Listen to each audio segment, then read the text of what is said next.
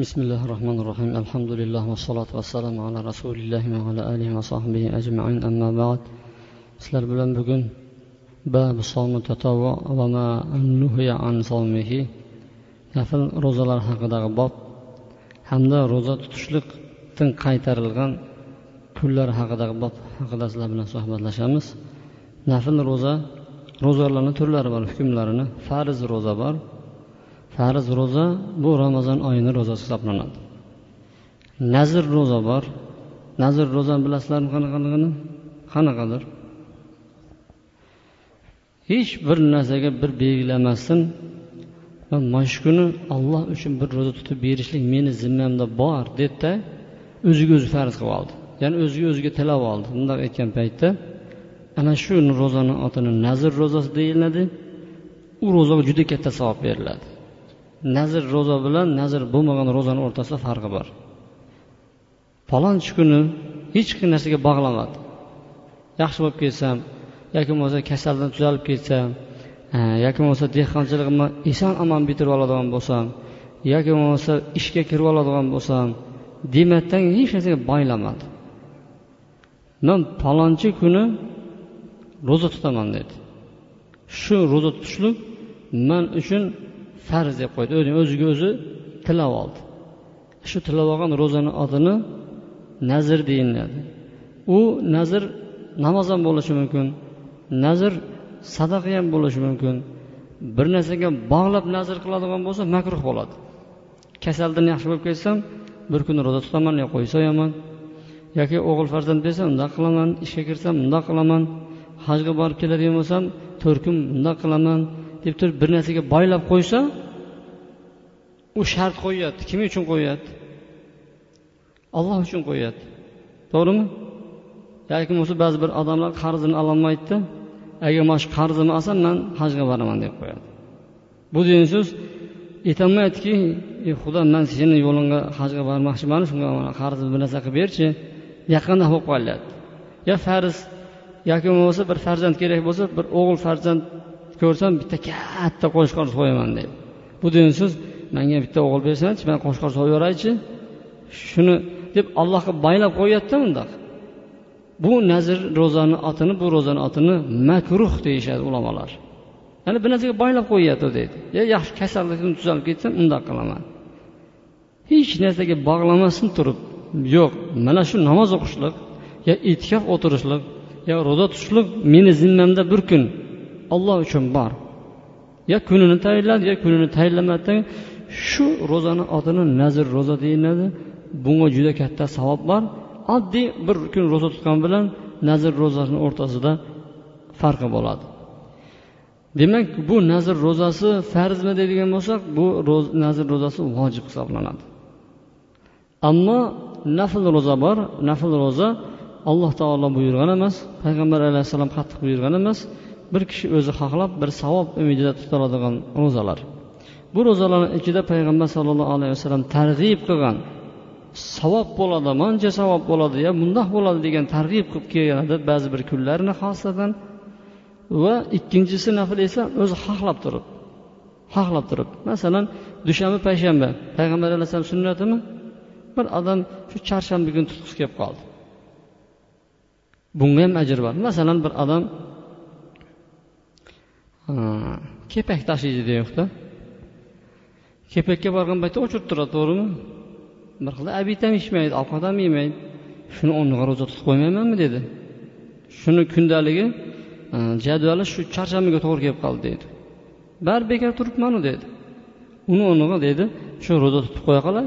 Kelishim bilan soat to'rt bo'lyapti uyga buyoq qiladigan bo'lsam og'zachar bo'layotgan ekan kech shu charshanba kuni man ro'za tutay degan bo'lsa bu ham nafl ro'zaga kiradi. Demak nafl ro'zani o'zi ikkiga bo'lindi. Birinchisi payg'ambar alayhissalom targ'ib qilgan ikkinchisi payg'ambar alayhissalom targ'ib qilmagani kishi tomonidan o'zi xohlab bajariladigan ro'zalarni otini nafl ro'zalar deyiladi.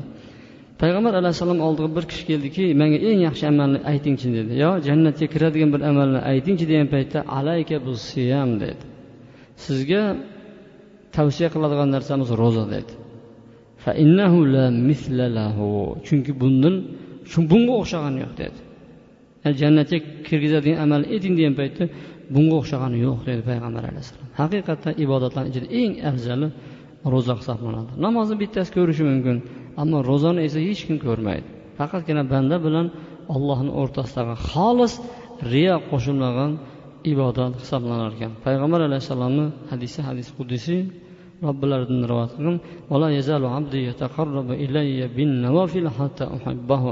bandam menga nafllar bilan bitta nafl emas nafllar bilan yaqinlashib kelaveradi kelaveradi kelaveradi hattoki men uni borib yaxshi ko'rib qolaman deydi.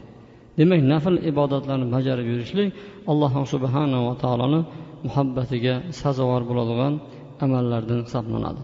Besh yuz oltmish beshinchi hadis abu qatada roziyallohu anhudan rivoyat qilinadi ansoriy roziyallohu anhu payg'ambar alayhissalom arafa kunidagi ro'zadan so'raldi shunda payg'ambar alayhissalom bir yil o'tgan hamda keyingi gunohlarni kechirishligi kechiradi dedi. Ashura kuni ro'zasini so'ralgan edi payg'ambar alayhissalom o'tgan bir yillik gunohlarni kechiradi dedi. Dushanba kuni ro'zasi so'ralgan paytda esa men shu kuni tug'ildim va shu kuni tirilaman hamda shu kuni menga shu kuni menga payg'ambarlik jo'natildi hamda shu kuni menga qur'on nozil qilindi deb javob berdi. Mana shu hadisni sharhi bilan tanishamiz. Birinchi kun birinchi ro'zamiz nafl ro'zalarni ichida eng kuchlisi qaysidir? Arafa kunidagi ro'za. Ba'zilari ashura kuniniki deydi. Arafa kunini ro'zasi eng afzal ro'zalarni hisoblanadi. Nima uchun? Chunki bir yil o'tgan hamda bir yil kelasi gunohlarni kechirilishiga sabab bo'lar ekan. Arafa zulhijjani to'qqizinchi kuni u hajda yurmagan odamlarga hajda yurgan odamlarga nisbatan tutilmaslik mumkin emas. Chunki ular arafatda duo qilish kerak kuch to'plash kerak bo'ladi. Ammo bu yoqdagilar esa shu bir kun ro'za tutadigan bo'lsa o'zi zulhijjani o'n biridan boshlab to'qqizgacha ro'za tutsa juda katta savob. Shu kunlar ichida qilingan amallarchalik allohga yaxshi ko'rilgan amallar yo'q. Hattoki hozir ro'zani kunida o'tiribmiz ramazonni. Mana shu kunimiz zulhijjani kunduziga yetmaydi. Shu o'n kun o'n kun to'qqiz kunduzi boru ramazondan afzal deyishadi zulhijjani. Hozir ketishadiyu hayitga o'n kun qolgan paytdagi shu kunduzlari ramazonni kunduzidan zo'r. Allohga mahbubroq amal qilaman degan odamlar uchun. Ammo tunini oladigan bo'lsak ramazonni tuniga boshqa dunyoni kunlari to'g'ri kelmaydi tunlari to'g'ri kelmaydi. Chunki bunda qadr kechasi bor. Demak arafa kuni tutgan odamni bir yil o'tgan kelasi gunohlarni kechiriladi degan ulamolar sharhida aytadiki o'tgan gunohlar kechiriladi lekin kelasi gunohlarni kechirishligi bu payg'ambar alayhissalomga xos bo'lgandir. Chunki alloh taolo qur'oni karimda alloh taolo sizni o'tgan hamda endi kelgan kelasi qiladigan gunohlaringizni kechirdi degan oyatni ko'rib payg'ambar alayhissalom o'ziga xos hamda badrda qatnashgan sahobalarga ham aytilganki nima qilsangizlar qilaveringlar man sizlarni gunohingizni kechirmadim endi deb alloh taolo hadis qudusida aytgan. Mana bu hadislargacha deydigan bo'lsa shu arafa kunidagi tutgan ro'za bir yillik endigi gunohlarni kechiradi degan so'z alloh subhanava taolo uni yaxshiliklarga uni yetaklab qo'yadi. Shu yili kam gunoh qiladi. Shu yili boyagi toat ibodatni chiroyli qiladi degan ma'nolarni berishgan ekan. Ammo ikkinchisi ashura kuniga keladigan bo'lsak muharram oyini o'ninchi kuni ba'zilar to'qqizinchi kuni deb aytishadi. Undan tutilgan ro'zani savobi esa bir yillik o'tgan gunohlarni kechirilishiga sabab bo'ladi. Eng afzali to'qqiz o'nini qo'shib tutgan ammo keyingi uchinchi qismi esa payg'ambar alayhissalom men ana shu kuni tug'ildim degani dushanba kuni ro'zasida. Bundan ko'rinadiki demak bir odam tug'ilgan kunida xursandchilik qilishlikqa bo'lar ekanda shundaqmi bo'ladimi bo'lmaydimi nega bo'lmaydi? Payg'ambar alayhissalom dushanba kuni tug'ilgan uchun ro'za tutdim deyapti. Bizlarda ro'za tutmaydiku kun dasturxon yozadi. Payg'ambar alayhissalom xos. Bir odam payg'ambarimizga ergashib turib o'zi tug'ilgan kunida ro'za tutsa bo'ladimi? Bo'lmaydimi bo'lmaydi. Chunki shariatdagi amallar hammasi tavqifiya to'xtatilgan. Bir odam o'zini yonidan bir ibodatni to'qib chiqarishligi mumkin emas. Payg'ambar sollallohu alayhi vasallamga xos bo'lgan ish edi. Payg'ambar alayhissalom dushanba kuni tug'ildi. Dushanba kuni u kishiga qur'on nozil qilishni boshladi. Dushanba kuni payg'ambar qilindi payg'ambar alayhissalom. Bari ne'matmi? Bu ne'matdan shukurni qanday ado qilinadi? Uni man ro'za bilan ado qilaman degan payg'ambar alayhissalom. Dushanba payshanba kuni bandalarni amallari ko'ndalang qilinadi. Allohni oldidan o'tadi. Shunda man ro'zador bo'lib turishlikni yaxshi ko'raman deb payg'ambar alayhissalom aytdi. Ammo tug'ilgan kelin qilishlikqa biron bir hech qanaqa bir dalil bo'lmaydi. Bu bir ikkinchisi o'zini tug'ilgan kunida ham ro'za tutishlik kelib chiqmaydi. Sababi nega sahobalar qilmadi? Nega imomlar nega tobeinlar nega muhaddislar shu ishni qilmadi? Ular bizlardan bilguvchi edi. Demak shariatdagi masalalar hammasi ibodatlar to'xtatilgan. Faqatgina dalil asosida qilishlikqa ruxsat bo'ladi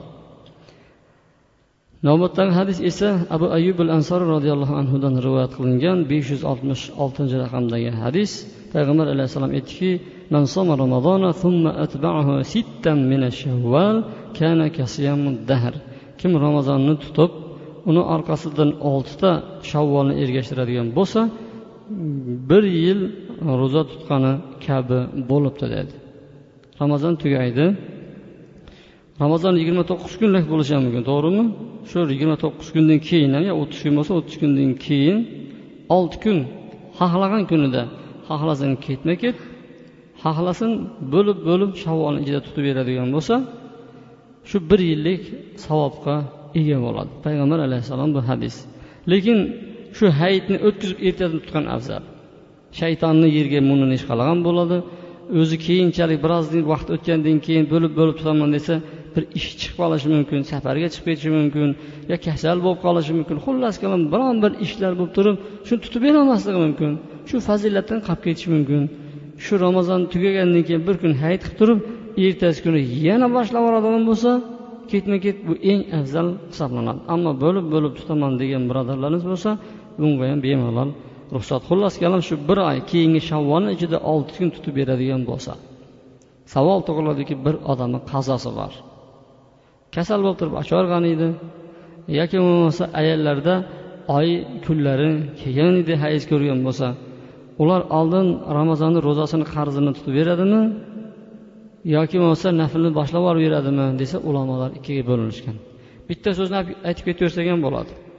Bir xil odamlar borda bitta to'g'risini aytib qo'ya qolsanchi deydi. Bizani boshimizga ikkita narsani kirgizmasin deydi. Bir narsani ziddini bilishlik shuni teskarisini esida qolib ketishlikka sabab bo'ladi. Degan qoida bor. Narsalar o'zini teskarisi bilan ma'lum bo'ladi. Mana paxta yumshoq ekan desa uni qattiq emasligi kelib chiqadi. To'g'rimi? Bir narsani mana tosh dengiz ekan deydigan bo'lsa uni qattiqligi kelib chiqadi yumshoq emasligi masalalar xuddi shunday hozir man aytib ketsamki bo'ladi deydigan bo'lsam erta bo'lmaydi degan so'zni eshitib qolsangiz e, xato aytibdida deydi. O'zi aslida odamlarga dalildan ko'ra o'zini nafsiga to'g'ri kelgan joyi bo'ladigan bo'lsa u kuchli domla ekan deydi. Masalan bitta misol qiladigan bo'lsak mana osilib turgan gilamlarga zakot berish kerak deydigan bo'lsa kambag'allarga jazu yoqadida u kuchli domla ekan boyagi deydi. Ammo boylarga aytadigan bo'lsak boyagi masalan asal masalasini oladigan bo'lsakda bu bu asal o'zi aslida berilmaydi imom buxoriy berilmaydi degan. Ibn munzirlar aytgan bu haqida biron bir sahih xabar kelgan emas deydigan bo'lsa asalarichilar nima deydi o'zi imom buxoriy juda kuchli olim deydi. Shuni aytganini qilish kerak deydi. Imom shofiy bilan imom molik shuni ushlagan o imom ular mazhabi zo'r ekan shuni ushlash kerak ekan deb asalarchilar aytadi. Dalilni kelayotganligiga qaramaydi abu hanifalar berish kerak degan. Qancha bo'lsa ham o'nta piyola oladigan bo'lsa bir piyolasini berish kerak degan. Abu hanifa aytgan bo'lsa juda qiyin aytib ekanda. Deb nafsiga to'g'ri kelmay qoladi bunaqa paytda. Shuning uchun bu shariat masalalari nafsiga to'g'ri kelgan paytda ergashib to'g'ri kelmagan paytda ergashilmaydi emas. Bizni bahsimiz nima haqida ketyapti? Ya'ni qazoni birinchi tutib berish kerakmi yo shu shavvolni olti kunni boshlaversa bo'ladimi? Boyagi fazilat keladimi? Bir yillik ro'za tutgan savob beriladimi? deydigan bo'lsa abu hanifa aytadiki shart emas deydi birinchi qazoni boshlashlik. Va bu kuchli so'z.